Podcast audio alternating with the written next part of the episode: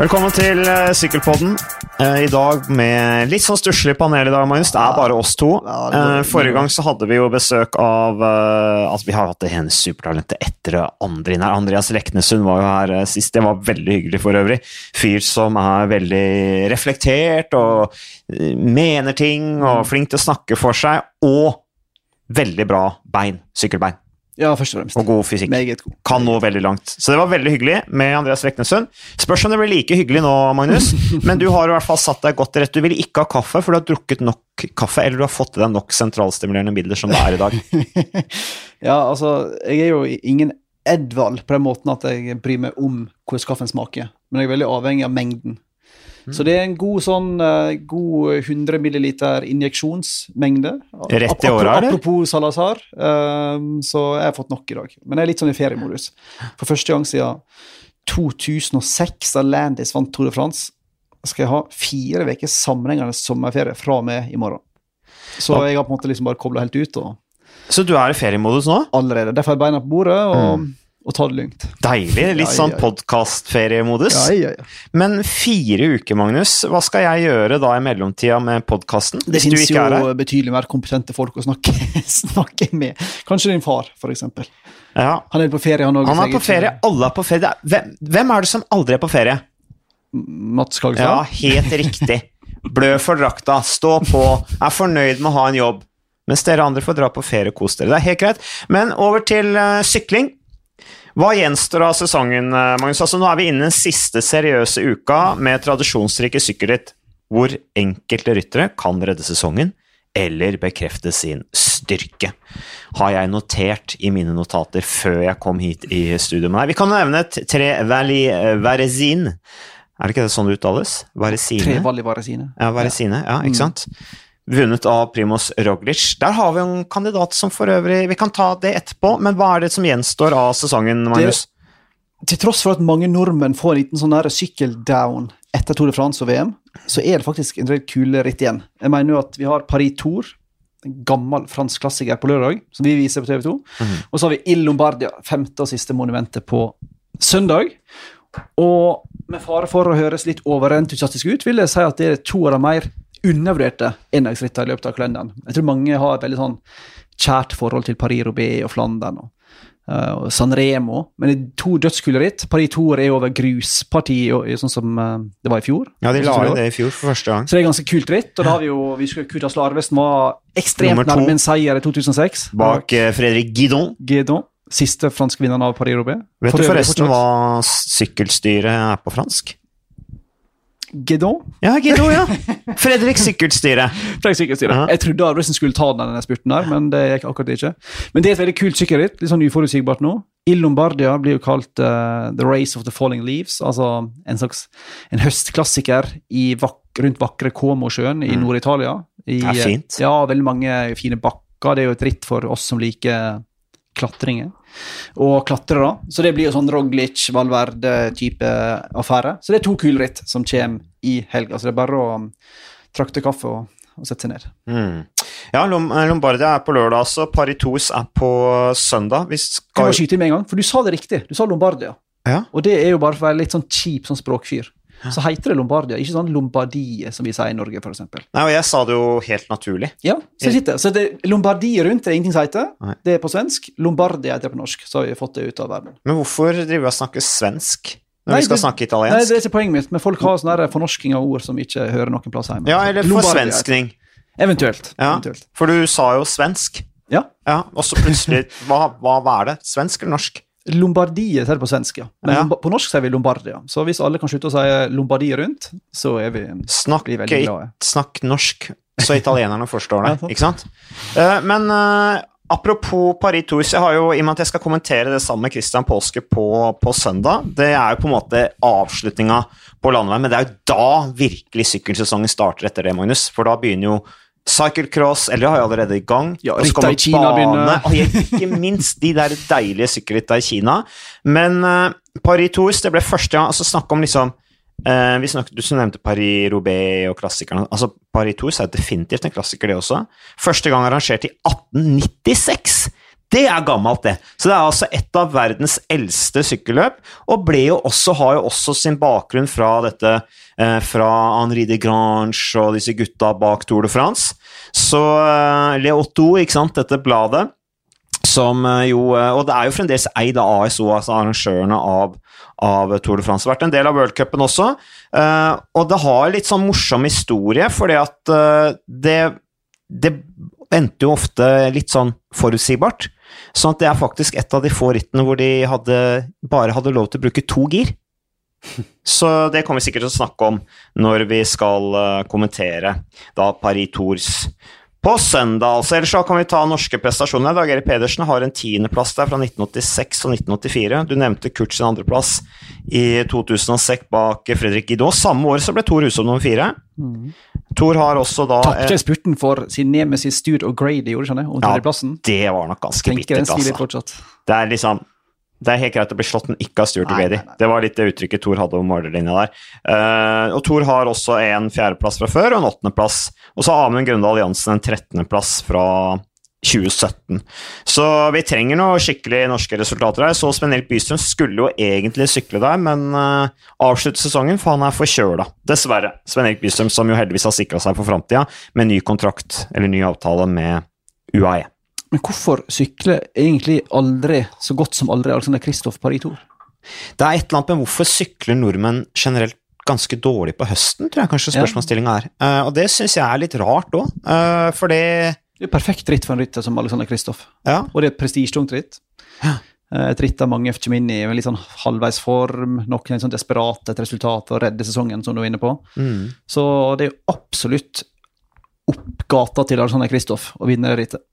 Men jeg, syk jeg kan ikke huske sist han sykla det rittet. Uh, Jeg vet ikke om Alexander Kristoff har sykla den gang. jeg. Han må ha vært innom på et eller annet tidspunkt. Ja, Gaviria vant jo ja. det, men da sykla han jo i quickstep. Eh, så Edvald har jo aldri vært der heller. Kan ikke vi starte den der Facebook-gruppa for vi som ønsker å se de norske proffene hevde seg i Paris Tours? Er vi så nær dette? Eh, ja, Ja, vi kunne jo kanskje. gjort det. Vi kunne jo kanskje bidratt til endring. Altså, et sted må vi jo starte. Men uh, helt riktig, det er uh, Lombardia og Paris Tours som er igjen nå til helga, så det er en stor sykkelhelg vi har i vente. Og så, Magnus, hvem mener du er årets rytter nå som vi nærmer oss på en måte der vi kan konkludere med at ok, nå har vi vært gjennom det viktigste. Hva står vi igjen med? Hvem er, hvem mener vi bør bli årets rytter? Og han blir jo som regel da kåret i Frankrike, ikke sant? Velo de År er jo da den mest prestisjefulle på en måte kåringen i året. Eh, gis vel ut disse franske sykkelbladene, eh, med altså gullsykkelen. Men hvem tror du får den i år? Med tanke på at sykkelsporten er fransk, og Velode År er fransk, så er det vel nærliggende at Julien Alaphilippe vinner den, og det er vanskelig å argumentere veldig sterkt mot det. Jeg vil mene at det er feil. Så vidt. Og du mener det? Ja, for jeg mener, jeg tror de fleste vil være enige om at der står mellom tre ryttere. Det er Primoz Roglic, som vant uh, Vueltaen, som vant uh, tre Valli Varesine, som du nevnte, som vant Giro del Emilia nettopp. Han vant to etapper i Giro, med tre sammenlagt. Vant Romandie rundt. Han vant UAE Tour. Han vant Tireno Adriatico. Helt vanvittig sesong. Ja. Så det er enten Roglic eller så Filip, som har, vi husker veldig godt fra Tour de France, og som vant selvfølgelig Strade Bianche, Milano Sanremo Flesh Vallon. Mm. Og så er det Egan Bernal, da. Og så kan du legge til bare med Ala Filip, da. Femteplass samlet i Tour de France. Vant to etapper. 14 dager gulltrøye, og de to etappene Ja. han vant, var jo så rå. ikke sant? Ja. Særlig den etappen til Champagne, der hvor han sykla hvor var det lenger, 20 km solo eller et eller annet, med et jagende hovedfelt. Eh, I tillegg to etapper i Terreno, to etapper i San Juan, en etappe i Baskeland, en etappe i Dauphiné og en etappe i Colombia rundt. Fantastisk sesong. Vunnet hele Ja. tida. Så det er veldig vanskelig å se for seg noen andre vinner, men jeg tenker Bernal og vel en, av de tre som kan vinne. Hvis du vinner Tour de France, Tour de Suisse og Paris-Nice i en alder av eh, Ja, nå er vel han 22. Eh, det er jo helt avsindig, da. Så jeg tror det er de tre det står mellom, og jeg tror det blir alle Filip. Men jeg vil jo kanskje argumentere for at Roglic fortjener den, rent objektivt. Men han er jo ikke en- nødvendigvis en syklist som engasjerer seg stor del av publikum. Nei. Alle Flipp er mye mer underholdende rytter, mye mer underholdende, underholdende type, mer allsidig. Men jeg tror du skal litt til å toppe den CV-en til Roglic. Her skal du tenke deg. Jo, jeg er enig i det, altså. Øh, jeg er enig i det, definitivt. Han vunnet Spania rundt. Tredjeplass i Italia rundt. Tredjeplass er det dårligste resultatet hans Ja. i år. Han mislyktes i VM, men det kan jo for så vidt si at Ala Filip gjorde òg. Ja, så bortsett fra VM så har han jo hatt en sesong som har gått på Hva er det man sier for noe? Gått Skinner. På skinner, ja. Sånn at Men allikevel, Det blir nok Alaphilippe. helheten Jeg tenker at Ala Filip er ikke noe dårlig vinner, han heller. altså. Det er ikke noe sånn der eh, bu franskmenn og greier. Sjarmen til Ala Filip, uh, måten han uh, Altså, han, han engasjerte det franske publikum på, som jo vi trenger. Uh, X-faktoren hans. Alt dette her spiller litt inn, syns jeg. eh, og måten han gjør rittene på. Nå kan du si at Roglic sykler på mange måter spektakulært, han også, når han er på sitt beste. Eh, men eh, ja, jeg syns Ala Filip er en helt grei vinner. Så da vinner han Velodor, men hvem vinner den hypotetiske vet ikke hva motsatsen blir. Velode Boss? Hvem er årets dårligste På felgen. På, ja, hvem, Mm. hvem ville godt fått den prisen? Ja, Det må jo i så fall være noe i forhold til forventninger, da. Um, så hvem hadde vi store forventninger til, hvis du ser på utvikling, da? Uh, hvem hadde vi store forventninger til i årets sesong som ikke lyktes i det hele tatt? Johnny Moscon. Ja, det, det er et godt navn, Magnus. Godt Fernando Magnus. Gaviria. Gaviria, Masse skader, så det er litt sånn Mm. ute av hans kontroll. Og så bytta lag, ikke sant. Skapt masse misnøye med å komme til UAE. Uh, kom i siste liten, tjent sikkert bøttevis med penger, og egentlig ikke eh, levert i forhold til det han skulle. Og så har du selvfølgelig de tre store, Kittel, Greipel og Cavendish. Men Kittel kan du trygt si var en skuffelse. Jeg vet ikke hvor store forventninger vi egentlig hadde til den trioen. da. Så, men jeg føler på en måte årets dårligste rytter må stå mellom Moscon Iallfall skuffelsemessig. Han har virkelig ikke tatt noen steg. Nei, men han var jo så tung i Tour de France. Veldig mange var veldig tunge i årets Tour de France, Ja. eh, tydeligvis, av forskjellige grunner. Drakk for mye. Fikk ikke svetta nok. Ja, Det holder ikke å sykle fem timer om dagen liksom, i over 30 varmegrader. Du får ikke ut den veska. Så ja. Nei, det er et par kandidater der. Men uh, ja, Kittel òg. Det er vanskelig å komme unna han når du snakker om årets store skuffelse. Uh, ja, for han er jo også en som kom Eller nå var det andre året hans i Katusha, var det ikke det? Jo. Eh, Så der har det bare vært motgang. Så vi kan jo komme litt inn på Katusha også, i og med at de slår seg sammen med Israel Cycling Academy. Eventuelt vi kan ta det med en gang. Hva tenker du? Skal vi, skal vi konkludere? Det er vanskelig å konkludere med hvem som har vært årets skuffelse.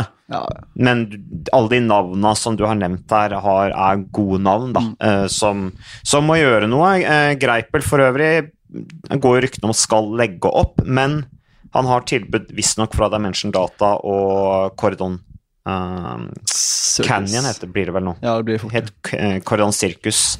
Laget til Matthew van der Poel, altså. Og Petter Fagerøy. Og Petter Fagre, ikke minst. Men hvis, hvis Dimension Data henter André Greipel Altså Altså, jeg vet ikke hvor jeg skal begynne Nei, sier vi bare. Nei.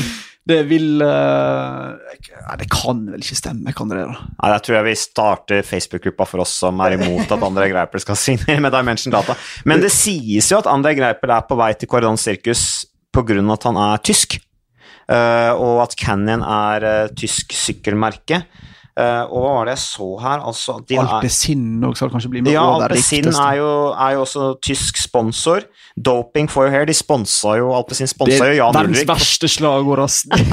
Liksom- De sponsa jo Jan. Ulrik for noen år siden, eh, og var hans personlige sponsor før de gikk inn i et sykkellag, og da var det Jan Ulrik, Alpesin doping for your hair. Ja, de velger kundene sine, så det får være greit. Men um, Nei, jeg tenker jo når Katusha slår seg sammen med Israel Cycling Academy, som sannsynligvis betyr at vi ser jo Sondre Åstad Enger gått til rival, og August Jensen får nok heller ikke plass der, sannsynligvis. Men jeg tenker jo litt sånn, det har vi snakket om før, men den derre håpløse identitetskrisa enkelte lag har. Du starter ut med gode, med høye tanker, ja, vi skal slå et slag for israelsk sykkelsport. Og så plutselig blir det litt sånn kanadisk inni der. Og så plutselig merger du også med Katusha, det, minst, det mest pregløse sykkellaget i worldtouren. Og så Ja, får det du sånn pregløst. og så får du sånn sammensurium av sykkellag som for min del plutselig har veldig lite å gjøre med Israel, men det er min tanke. Men de skal jo da altså Grunnen til at de slår sammen, er jo fordi de vil til Tour de France i 2020. Og så er jo sykkelsporten sydd sammen på den håpløse måten at det bare kjøper seg til, i praksis, en plass i worldtouren. Så lenge du bare kjøper lisensen til noen andre, så kan du bare ta plassen. Det er jo bare sykkel, sånt går an. Men eh, det er nå sånn det er. Eh, men eh, Israel Cycling Academy og Katusha det høres ut som en match som ikke er lagd i himmelen. Men de får Dan Martin blant annet da, på dagen, så de har jo henta en god rytter. Skjønner ikke helt hva han skal der, men det får nå være Han får jo betalt, da. Og så er er, det jo en annen, en annen faktor er jo det at nå har de jo Tajay Pogacar i UAE som kanskje kolliderer litt med ambisjonene til Dan Martin, så det kan jo være fornuftig at han går til Israel Ja, Academy og får en virkelig kapteinsrolle. Jeg, jeg tenker at det er en helt ok match, jeg. Nå må ikke du være så Jeg negativ, tenker, Magnus. tenker bare at han har jo et vanvittig potensial, Ja. som han kun av og til får ut. Har veldig skuffende sesong i år. Mm. Uh, litt selvfølgelig pga. velt og skade og sykdom og sånt, men jeg hadde jo sett for meg at han ville gutse til på et litt større lag litt til før du på en måte tar steget ned. Skjønner du hva jeg mener? Man det er tar ikke nødvendigvis- ned. steg ned, men det er et steg ned i, for, i forhold til støtteapparat, utstyr, det meste. Så er det jo det, vil jeg påstå. Men um, for all del Det det trenger jo ikke å være et steg ned hva gjelder støtteapparat og utstyr, vi vet jo ikke hva som bor i støtteapparatet til Israel Cycling Men Academy. mange på laget er jo ikke veldig fornøyd med utstyret. Nei, det ikke det, Nei, syns jo ikke at det nødvendigvis er det beste de har å, å rutte med. Men jeg kan jo, nå skal Katusha inn, så de har jo ikke offentliggjort hvem som er sykkelsponsor. Så om det er De Rosa neste år òg, det vet jeg ikke ennå. Men, um, Så de er ikke fornøyd med men sykkelen? Altså. UAE og Quickstep altså, det, er jo et, det er jo et nivå over, tenker jeg, da. Selv om UAE åpenbart ikke helt styr på er det Jeg tror og sånt. UAE så ser bedre ut enn det faktisk er, altså hva gjelder støtteapparat. det kan være altså. Ja, det det, tror jeg. Du ser jo bare hva de holdt på med i Tour de France. Mm. Så jeg lurer litt på Der tror jeg på en måte at det er vanskelig noen gang for Alexander Kristoff, sånn som jo er opptatt av hva som er best for at han skal sykle fortest mulig, og gjøre de riktige tinga, fordi at det kanskje er litt motstridende ting, ønsker fra lagets side. da. Ja, og så er det tror jeg vanskelig for han å skjønne litt Eller for veldig mange tror jeg er vanskelig å skjønne tankegangen til lageierne. De bytta om litt på han sønn, altså han som styrte laget i forfjor. Ja, snakker du om UAE. Ja, han sønn sønnen til Saronni. Ble plutselig fjerna, og så kom inn han der eh, Machin, han spanske talentspeideren som har vært i gamet i 20 år. Og så henta jeg ryttere som ofte er vanskelig å se sammenhengen med. Kristoff ble lovd, som Procycling lagde en fin sak på det, pekte på det at Kristoff ble lovd forsterkninger med klassikerlaget neste år. Mm. De er ferdige å rekruttere i år. Jeg kan ikke se hvem de har rekruttert til det klassikerlaget, f.eks. Nei, de Så det er vanskelig, å, det er altså. vanskelig å skjønne litt alltid um, hvor de vil hen. Men um, så det kan en da rett kanskje ser bedre ut på utsida enn det egentlig er. da. Nei, jeg har ser ikke noe ut så som veldig et- godt inntrykk av Det ser jo ut som et ganske sånn velbemidla og stort, velorganisert, men det er ikke sikkert det er tilfellet. Ja, Penger, ja. Mm. Eh, Men penger er er ikke nødvendigvis kvalitet, selv om de har et høyt budsjett. Og dessuten så er det det der gamle lampresystemet som henger over det.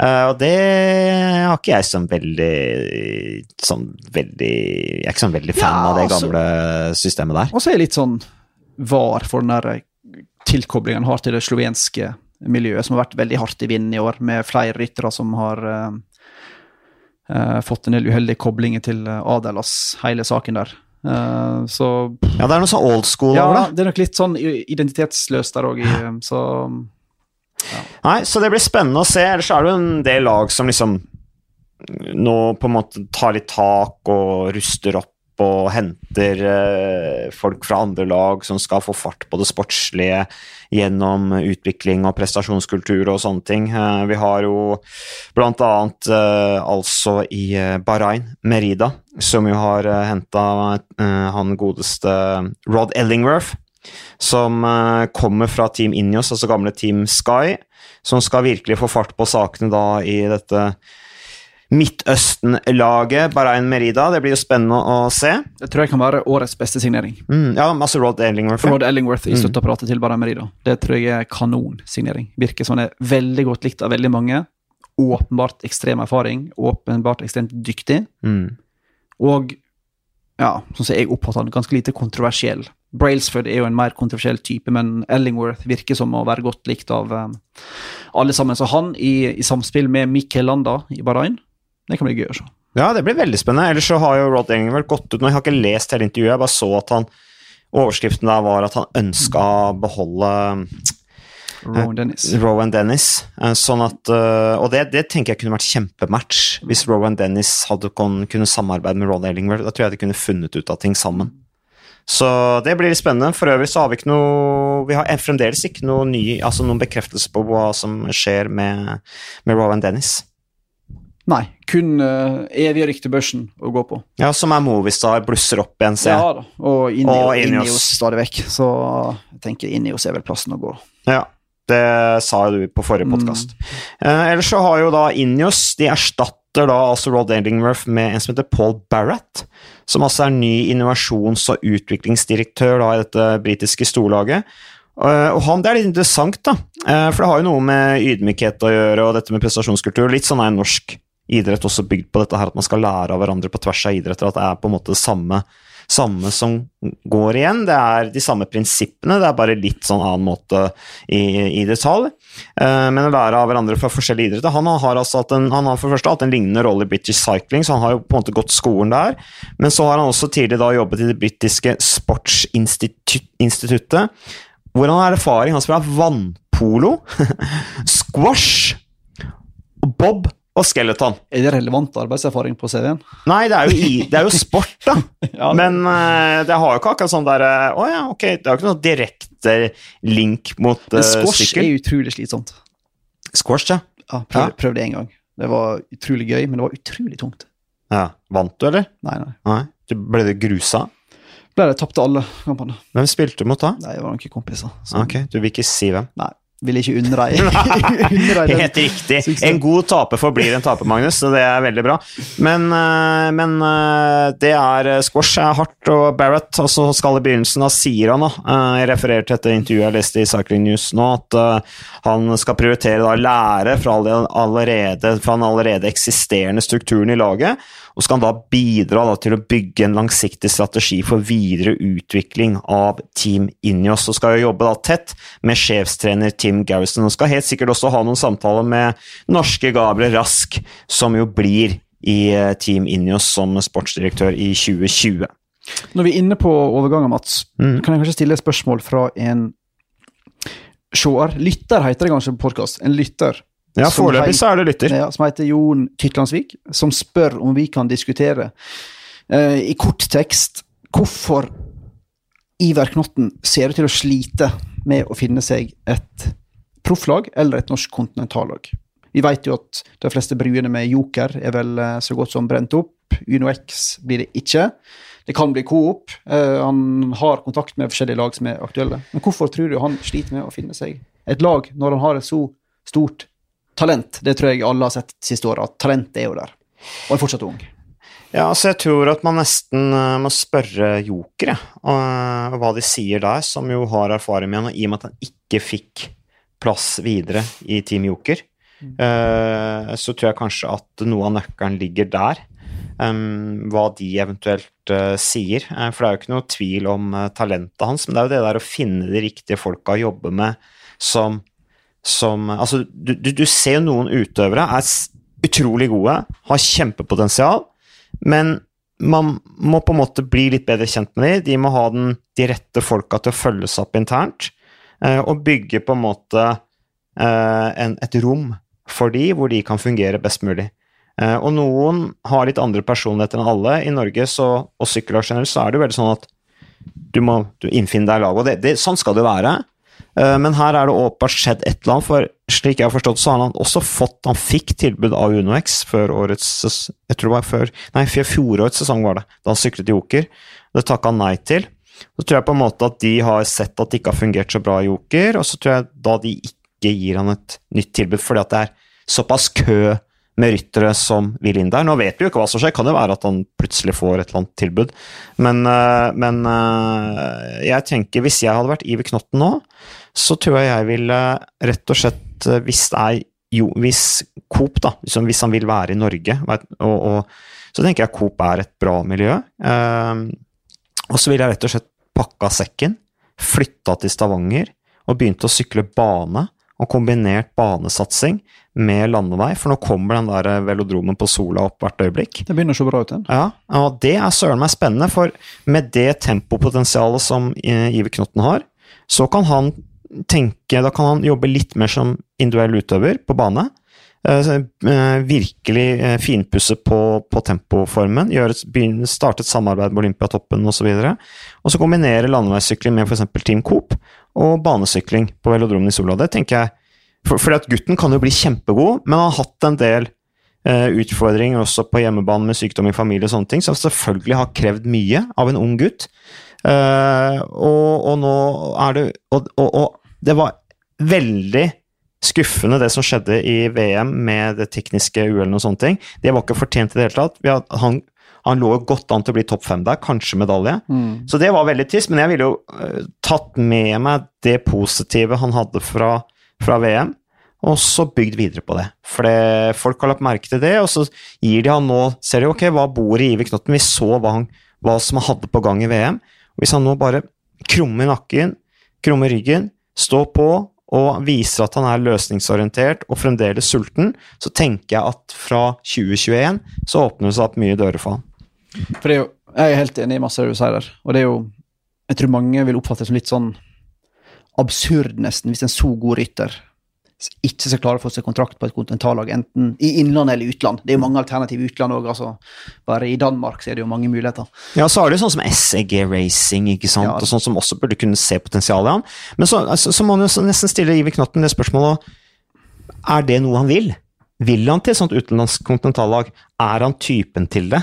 Ikke sant? Eh, så, så, og det kan jo tenkes det er en bra løsning, men jeg tenker at det der å jobbe i miljøet i, i Stavanger der, rundt den velodromen på Sola, og ha en litt sånn, litt sånn egen rolle i, i Coop, med litt sånn light landeveisprogram og tung satsing på tempo og velodrom, ville vært helt glimrende for han. For det er jo dødskult at vi har ryttere som faktisk er så godt som rene spesialister i den disiplinen, tenker jeg da.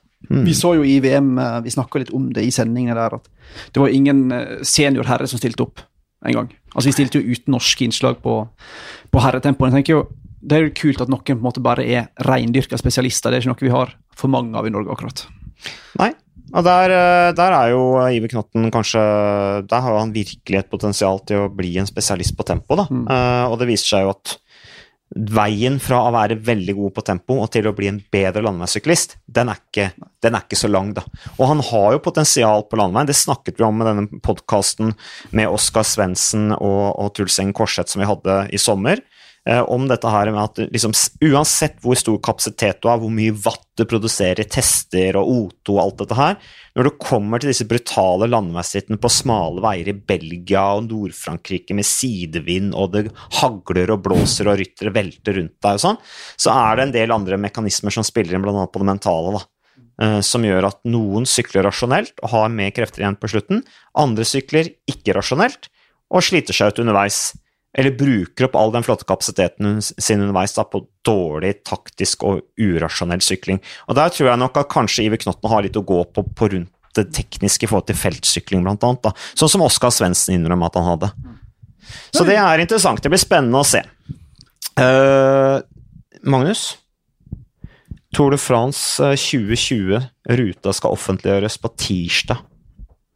Det blir altså tirsdag. Hvilken dato blir det? Det blir altså Jeg lurer på om det er den 15. 15., Ja, tirsdag 15. oktober, da kommer Tour de France-løypa. Um, og jeg ser nå begynner å komme litt rykter og sånn, for du har noen sånne faste sånne Twitter-kontoer.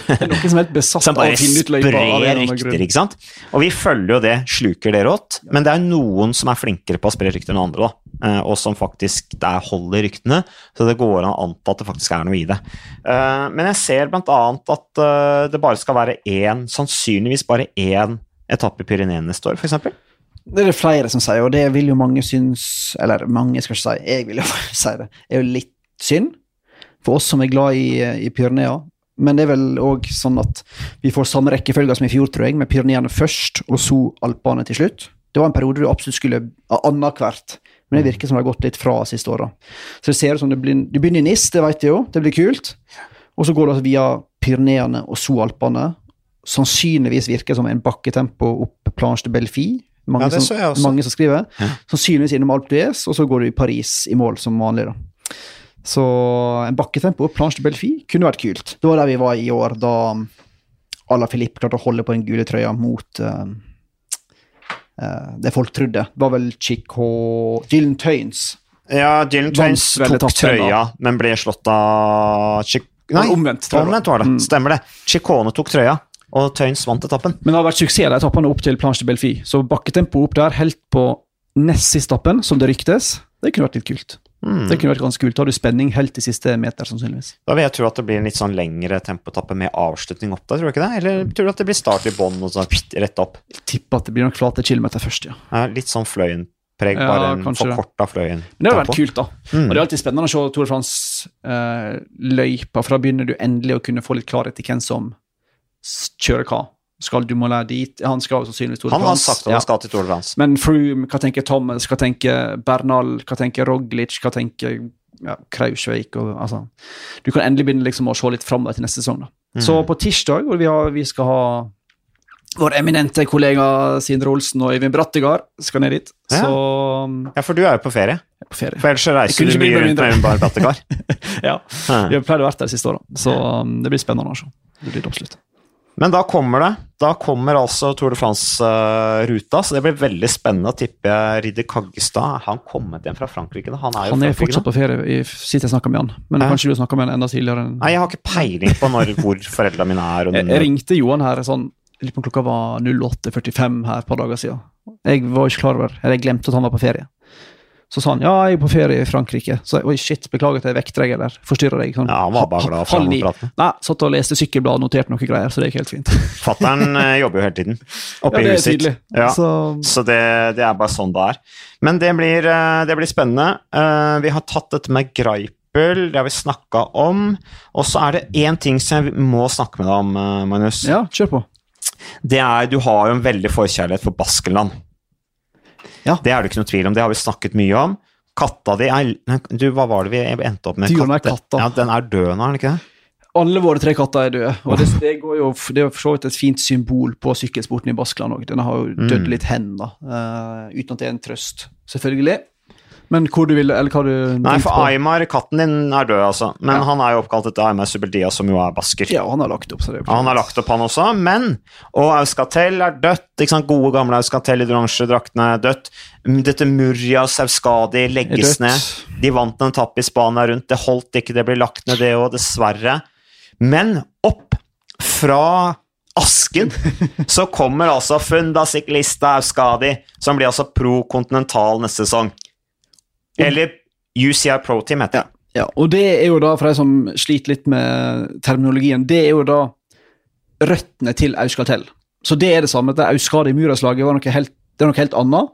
Fundasjonen Auskade er da det er den organisasjonen som ja, var grunnmuren for Auskatel i alle år. Så det blir egentlig en videreføring av samme, samme lag. Men det er litt spennende. der. Jeg skjønner ikke helt hvordan det skal funke. fordi det er jo Mikkel Landa som eier det laget. Og hvis Fundación Euskadi vil jo selvfølgelig sykle Vuelta al País Basco, eh, Catalonia, Clásica San Sebastian, Vuelta Spania. Men eh, Nå har ikke jeg studert reglementet på akkurat her, men de vil jo da komme i en situasjon at de konkurrerer mot sin egen eier, som sykler for et rivaliserende lag. Mikkel Landa vil jo sykle Vuelta sannsynligvis, og Vuelta País Basco, så jeg skjønner ikke helt at de kan delta i samme ritt. Nei. Nei, Så det jeg, er veldig spent. jeg håper de har tenkt gjennom det. Det kan godt hende at jeg bare fabler uten peiling på noe som helst der.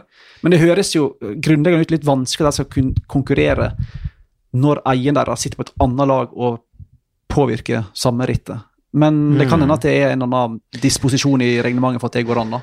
Ja, altså jeg Jeg vil finner jo tro at Mikkel Landa ønsker å se gutta sine prestere og sånne ting. Mm. Men det er det der hvis Mikkel Landa plutselig trenger støtte. Ja, Få et ekstra lag for å, Ja. for å dra inn et brudd. Ja, du plutselig ser da disse Auskadi, Auskatel, eller hva Mm. man skal kalle de, som plutselig sitter og drar helt sånn meningsløst i front. Ja, så Jeg håper de har sjekka ut det greiene der. Det har de sikkert gjort. Vi Ja. får eh, ha såpass tiltro til dem. Ellers er så eier jo Alexander Kristoff Coop-laget. Mm. Eh, og sånn sett så har vi jo litt sånn samme diskusjon, eller vi har ikke diskutert det så mye, men vi har jo alle, not alle notert det bak øret. Mm. Men der er det jo helt offentlig. Ja da. De jobber jo for eieren sin, men det er men jo på en tror måte òg på to forskjellige lag. er tyngre inne som Landa er tyngre inne som hovedeier, nesten, i det laget enn Kristoff er. Men det kommer an på hvordan du definerer organisasjonen i Spania og Norge. Det, ja, men det er for en del likhetstrekk. Det er helt sant. Uh, men jeg ja, får håpe at kryss fingrene for at de har sjekka ut det. Det er jo noe for gutta våre, da. Altså Én ting er å eie et kontinentallag, men Mikkel Landa liksom, han eier et pro-kontinentallag. Eller altså, hva heter det? Pro, ja. pro, pro Series-lag. Ja, Pro det? Series-lag. Eller Pro Team. Så det, ja. nå må jo Kristoff og Edvaldsen steppe opp litt, de òg, og kjøpe seg et lignende lag. Hvis de liksom skal være en av gutta. Ja, Det var snakk om en stund, da. Men det er nok noen år siden nå. Vi lagde jo Glad i overtenning, som vi er, en sak på at Team Coop kunne bli det første norske profflaget, men det skjedde jo ikke. Um, men Det er lenge siden nå. Det var 2015, var det ikke? Ja, Rundt der. Sant. sånt. Det hadde vært noe, men uh, nå får vi jo heldigvis et uh, lag i annendivisjon, da, med, med UnoX. Det er jo 20 lag som søker uh, World Tour da for 20 til og med da 2023, treårslisens også. Og nye søkere det er Arkea Samsic, Kofdis og da nylig fusjonerte Katusha Israel Cycling Academy. Og uh, alle nåværende 18 World Tour-lag er da på denne søkerlista. Men det betyr jo da at det blir det er 20 World Tour-lag da, for neste periode. De snakka jo lenge om at de skulle ned på 15, ikke sant? for å få litt mer kamp, rift om plassene. Men nå går de i da opp i antall lag, eh, og så blir det da to færre lag som får wildcards til de store, altså de tre store treukersrittene, da. Og det betyr jo da at sånn som Nippo Vini Fantini, de legger ned som da et annendivisjonsprofflag, de legger ned fordi at de ser nå at er de, de er sjanseløse til å komme med i uh, Italia rundt. Så hva tenker du om den utviklinga der, Magnus? Eh, Jeg tenker den er fin. Du tenker det, ja? Jeg tenker det. Jeg tenker at ja. jeg skjønner det at en del av disse pro-kontinentallagene, det er mange som forsvinner. Vi har Rompot og det er mange andre som forsvinner. Og jeg skjønner det at det er kjipt for dem at de ikke kan stille opp i de konkurransene sponsorene vil at de skal stille opp i, men jeg er jo tilhenger av at sykkelsporten blir litt mer profesjonalisert, og at det er forutsigbarhet og en viss systematikk i hvem som stiller i rittene. Mm. Jeg tenker at Hvis du skal ha en, en Champions League for syke, sykling, som mange vil ha, som de kaller disse her Grand Tourene og World Touren, det skal være de beste lagene, tenker jeg, Det er jo ikke sånn at Uefa inviterer Brann til Champions League et år fordi de er norske. Skjønner du hva jeg mener? Vil ikke det veldig hyggelig? Det hadde vært Kanskje ikke så hyggelig for. Brann, men Nei, men det er litt sånn, så jeg tenker at dess mer eh, systematikk og forutsigbarhet en kan få i hvilket lag som stiller opp hvor, tenker jeg egentlig er positivt. Men så må, det blir jo på bekostning det er jo det som er grunntanken i World Tour nå. Ja, det er det jeg mener. Altså, det vil jo selvfølgelig gå på bekostning av enkelte, og det er jo selvfølgelig kjipt for de som jobber der, men um, et mer system som er basert på at du faktisk er kvalifisert i det rittet du deltar i, syns jeg er bra. Mm. Så kan du si ja, er Israel Cycling Academy uh, uh, kvalifisert for hermetegn Champions League bare fordi jeg kjøper lisensen til noen andre? Overhodet ikke i, i mine øyne, men det er nå sånn systemet fungerer. da. Nå blir det en helt ny organisasjon da, Ja da. eh, der. Altså, så Men det, det minner jo litt om den, helt parodiske situasjonen du hadde i det var i 2011. Da var det Leopard som kjøpte opp Radio Shack, eller det var et nytt lag, Mm. som var det beste, rangert som det beste laget i verden, uten å sykle et eneste ritt, for de kjøpte ryttere som hadde syklet bra året i forveien. Så jeg var da nummer én-lag i verden uten å sykle et ritt, mm. når du begynte nye sesongen. Ja, men du hadde jo bare en Merida, og ikke sant? Ja. de kjøpte det er inn jo sånne veldig spesielt, du ser jo ikke det der i så veldig mange andre idretter. Så det er veldig sånn rar organisering. Men um, um, Nei, og så er jo ikke det sportslige ikke ens kriterium heller. Så Nei, har du jo det etiske, det økonomiske, det administrative, ledelsesperspektivet og sånne ting, som også teller inn. Kofdis og Arkea Samsic er altså de nye lagene da, som søker seg opp fra pro team-status, altså andredivisjon. Uh, så ingen, litt overraskende, syns jeg, Magnus, at det er ingen World Tour-søknad fra verken Direct Energy, som er den største overraskelsen, og ikke fra Vital Concept, da. Eh, jeg hadde kanskje Total Direct Energy. De var jo, der var det jo snakk om at de skulle bl.a. signere à la Philip. Eh, Jeg skulle få masse penger med total som kom inn der, og det skulle Mm. bli World Tour. Det var jo snakkisen her i vår, og det skjedde jo ikke. Nei. Så, Så, sånn ble det ikke. Jeg stoler vel på at jeg får wildcards i posten uansett, og Det det, gjør det jo til Tour de France. Så da er det bare ett igjen å dele ut. Så det er det som skjer der, altså. Um, og når det gjelder pro-team-status, da, så er det 17 lag som har søkt om annen divisjon. Og det er bare to nye søkere, og de to nye søkerne det er UnoX Development Team og dette, Fundación Euskadi Orbea. Og det er faktisk syv færre søkerlag enn i 2019, da 24 lag eh, søkte. Så har vi tatt det. Ellers, eh, Magnus, noe du ville si? Ja, du brenner jo veldig for å snakke om friidrett, Gjør jeg? forsto jeg. Nei, jeg gjør jo egentlig ikke det. Og Salazar og hele den suppa der. Du er klar over at Salazar har bodd hjemme hos oss på Kaggestad gård? Det er fullstendig klar over, det fins vel også Det er faktisk så skandale at det burde jeg kanskje ikke si engang. bilde ikke av deg og han på en traktor, er ikke det? da? Jo, det er et eller annet sånt. Eh, Det bildet finner jeg sikkert i, eh, i en eller annen et eller annet familiealbum. Men det er jo guilty by association, så jeg vil jo Ja. Dere, du og din far, går da under samme Ja, ja, det var vel Hvor gammel var jeg da? Fem år han nå? eh, Da han var og besøkte oss på Kaksa. Eller kanskje sju, for hva jeg vet. Vi var eh, alle barn av vår tid, som vi sier. Ja, eh, men årsaken til at han var der, var fordi at han en, han løp for Nike. Uh, fattern hadde jo en veldig tett relasjon til Nike, for fattern starta Nike Norge sammen med en som heter Konrad Ysgaard. Og vi hadde jo faktisk Nike-lageret i låven. Jeg har jo drevet Nike, Nike de, kan, de skal skamme seg over mye, blant annet barnearbeid. Jeg ble utsatt for barnearbeid da jeg var liten. Jeg pakka sko inn i låven for at disse folka i USA skulle tjene mer penger. Ikke sant? Det er ille. Tenk på det! Rå utnyttelse. Fikk jeg betalt for det? Nei. Det er vel faren sitt problem? Eller det er vel hans Ja, han sa at jeg måtte jobbe for å leve. Og det gjorde jeg, og det var en fin skole, det. Men så var det Alberto Salazar hos oss i forbindelse med at han skulle løpe på Bislett, og så på en måte campa han hjemme hos oss, da, i forbindelse med det. Ja, Så du noe ugle i mosen allerede da? Nei, Nei. det gjorde jeg ikke. Jeg bare husker han tøyde mye ute på plenen. Er sikkert så på, en- sikkert tegn på en dope. Og så herma jeg etter Alberto Salazar når han tøyde, for jeg, ikke sant? Det skulle liksom gjøre det samme som han, og morsomt med en som løp fort og sånn, så jeg tøyde jeg og gjorde akkurat samme øvelse. Og så begynte han å late som han var en apekatt, og så skjønte jeg på en måte ikke at han da tulla med meg, så jeg lot som jeg var en apekatt, jeg òg. Skjønner du? Ja. Ja, altså, jeg imiterte han uansett, da. Eller herma etter han uansett. Og så lo han jo litt, ikke sant, for da plutselig sto jeg der og gjorde sånne apekattøvelser. Og snakka masse med han siste året, eller? Nei, jeg har ikke det. Jeg har ikke det. Men jeg, jeg skrev en sak i 2017 uh, om, uh, om uh, det han egentlig blir tatt for nå. Eh, og den saken ligger et eller annet sted ute i universet til TV 2. Eh, jeg vet ikke om det er mulig å finne den, men eh, vi kikka litt på den i stad. Mats. Kaggestad Salazar, ikke? Jo, sikkert. Jo, sånn funker Google stort sett.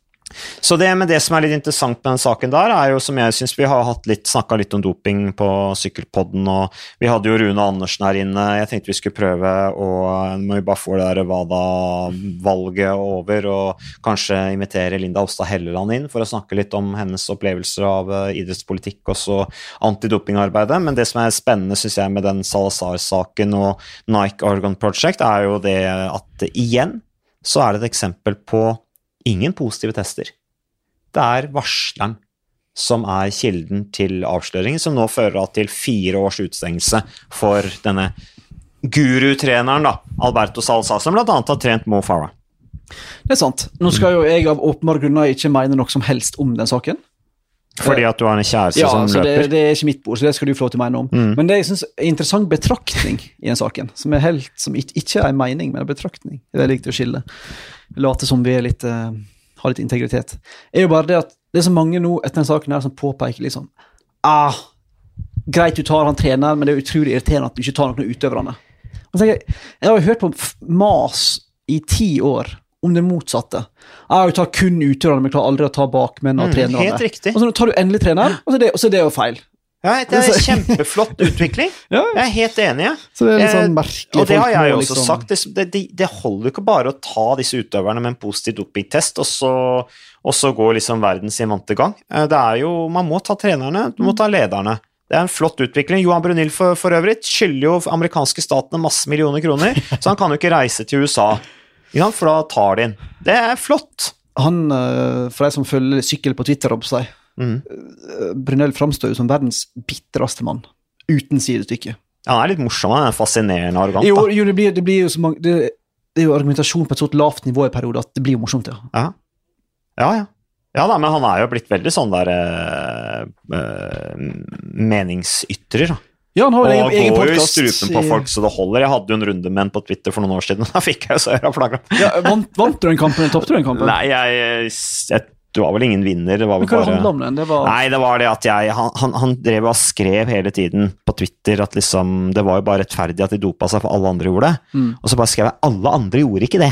Det er et godt poeng. Ja, ikke sant? Kan du bare slutte å si at alle dopa seg? For alle gjorde ikke det. Eh, Det er greit nok at kanskje den der sirkelen rundt han og toppene i Tour de France og sånn gjorde det, men du hadde jo kanskje 50-100 ryttere bak der igjen, eller i hele feltet, i hele proffeltet, hundrevis også, som valgte å ikke gjøre det. selvfølgelig hundrevis som valgte å dope seg, og hundrevis som valgte å ikke dope seg. Men da, da kan du ikke si at alle dopa seg. Og da kontra du han med noe sånn at ja, du var bare på Ja, laget da gikk han på meg fordi som person, da. Ikke sant? At jeg var, uh, at, jeg var talentløs og sånne ting. Og det var jo ikke helt greit, det. Så, og det var helt riktig. Jeg var på Krediar Kolpun og Toreshov, så han har helt rett. Jo, men det hadde jo ingenting med saken å gjøre, så det Nei var litt da. sånn klassisk Brunel. Litt sånn i hytt Hugg og vær. hodet av uh, Ja, ikke sant. Ta personen, ikke saken. Ja, men- Så, så Nei da, men det er ferdig med det. Men uh, Nei da, men det blir spennende å se på uh, Som Balkov, Lance Armstrong, Russland-skandalen, så er det denne her Nike Orgon uh, Project-saken som da altså kommer gjennom varsler, og det blir spennende å se på hva endelig utfallet der blir av det. Det er jo interessant med tanke på sykkel, i og med at sykkel på en måte var den idretten hvor bobla sprakk så det sang først. Og så er det jo, øh, jeg vil nesten si morsomt, at hvis du leser den dommen Det anbefaler folk å gjøre, for den er ikke så lang, det er 140 sider. Og det er veldig fascinerende å lese alle SMS-utveksling og e-postutveksling og sånt mellom partene her. Men den beste e-posten her er jo sykkelrelatert. Første gang de finner det der, øh, eller får gode testresultat på det der L-karnitine, det øh, aminosyre, den der øh, stoffet det er snakk om her, da, som de har tatt litt for store injeksjoner av. Ja, for det er ikke stoffet i seg selv som får det er metoden Ja, de har brukt ja, på å tilføre det. Store mengder, også intravenøst. Intravenøst, For for det er. Mm. Men det første da de får høre om det stoffet, hvor bra det skal være Hvem er den første du går til for å si ifra? Lance Armstrong. det, er liksom, det er liksom ingen ende for idiotien. Og det, Lance, Lance hadde jo lagt opp, da, sant? men hvis jeg forsto det riktig, så han holdt på med triatlon en stund, og da brukte han jo selvfølgelig Salazar da, som sin rådgiver-trener. Du kan ikke bruke noen andre enn de som er best i gamet. Men han slutta å jobbe med Ferrari, da, i hvert fall. Ja, da han gikk jo fra den ene til den andre. Så, men da var det Lance som fikk varsel om at hei, dette her må du bruke, for det er dødsbra. Og det er sånn, Sykkel har en sånn egen evne til å alltid bli dratt inn i, om det er Aderlass eller om det er Det var jo triatlon i den saken her, da. Ja, ja. I og med at Lance drev med triatlon på den ja. Det er for så vidt sant, men Lance er jo en sykkelmann, mer enn en triatlonmann. Ja, men altså, hvis jeg hadde hatt noen nye metoder jeg skulle eksperimentere med, og jeg visste at han var aktiv, og at du hadde kanskje tro på at han var interessert i å høre om det, så ville jeg jo kanskje tatt kontakt med han da, så det var jo riktig det. Men da jobba de, da hadde de allerede en relasjon, de altså. Ja, da Salazar hadde og relasjon. Armstrong. Og det er jo naturlig da, i og med at den posisjonen Armstrong hadde med Nike. Ja da, men det er Mm. bare sånn komisk at enkelte navn dukker opp i det, ene etter det andre. Lance kan liksom ikke unngå å havne i skandale han kan gjøre. Stakkars Lance. Det er ikke bare bare. Er du der? Nei da. Nei da, men eh, det, det, er, det viktigste for meg er å vite hva som har skjedd. Så, så Og det vet vi jo nå, etter mange års med, med spekulasjoner. Men jeg tenkte vi skulle du, Magnus, da ønsker jeg deg en veldig god ferie. Kan du avsløre hvor du skal? Uh, Det er jo ikke så mange som hører på Sykkelpodden, så Nei, det er jo ikke så farlig. Vi blir ikke rent på døra. Men vi skal til Hawaii et par uker, så det blir gøy. Apropos triatlon og Lance. Han har vært masse der og trent i triatlon. Hawaii et par uker, og så skal jeg til Milano for å se fotball, og så skal jeg litt til Oslo. Yes, Men. Oslo er jo tre grader regn og snø allerede, så det er jo helt bedritent. Så Men det vi må sa du at- mest mulig Hawaii, Milano og så Oslo? Så det skal Eh, avslutte Hawaii, ferien? Oslo, Milano, Oslo. Ja, blir det. Å ja, En ok. slags- Så du skal litt Via- tilbake og trekke luft? Via. Åndalsnes, Isfjorden innimellom der òg. Så minst mulig i Oslo. Det er så kaldt der at det er ikke til å holde ut. egentlig. Ja, du er ikke noe så veldig glad i Oslo, du, Magnus. Men det er vinter allerede nå. Da blir det et langt, Ja. blir et langt eh, vinterhalvår, altså. Ja, men plutselig så kommer våren igjen, vet du. Ja, ikke Så bare hold ut, Magnus. Men kos deg på ferie. Takk, kos deg med fotballkamp på Hawaii og det hele tatt. Og vi, da får jeg bare finne på et eller annet i mellomtida. Og så høres vi, kjære lyttere. Takk for at du hører på.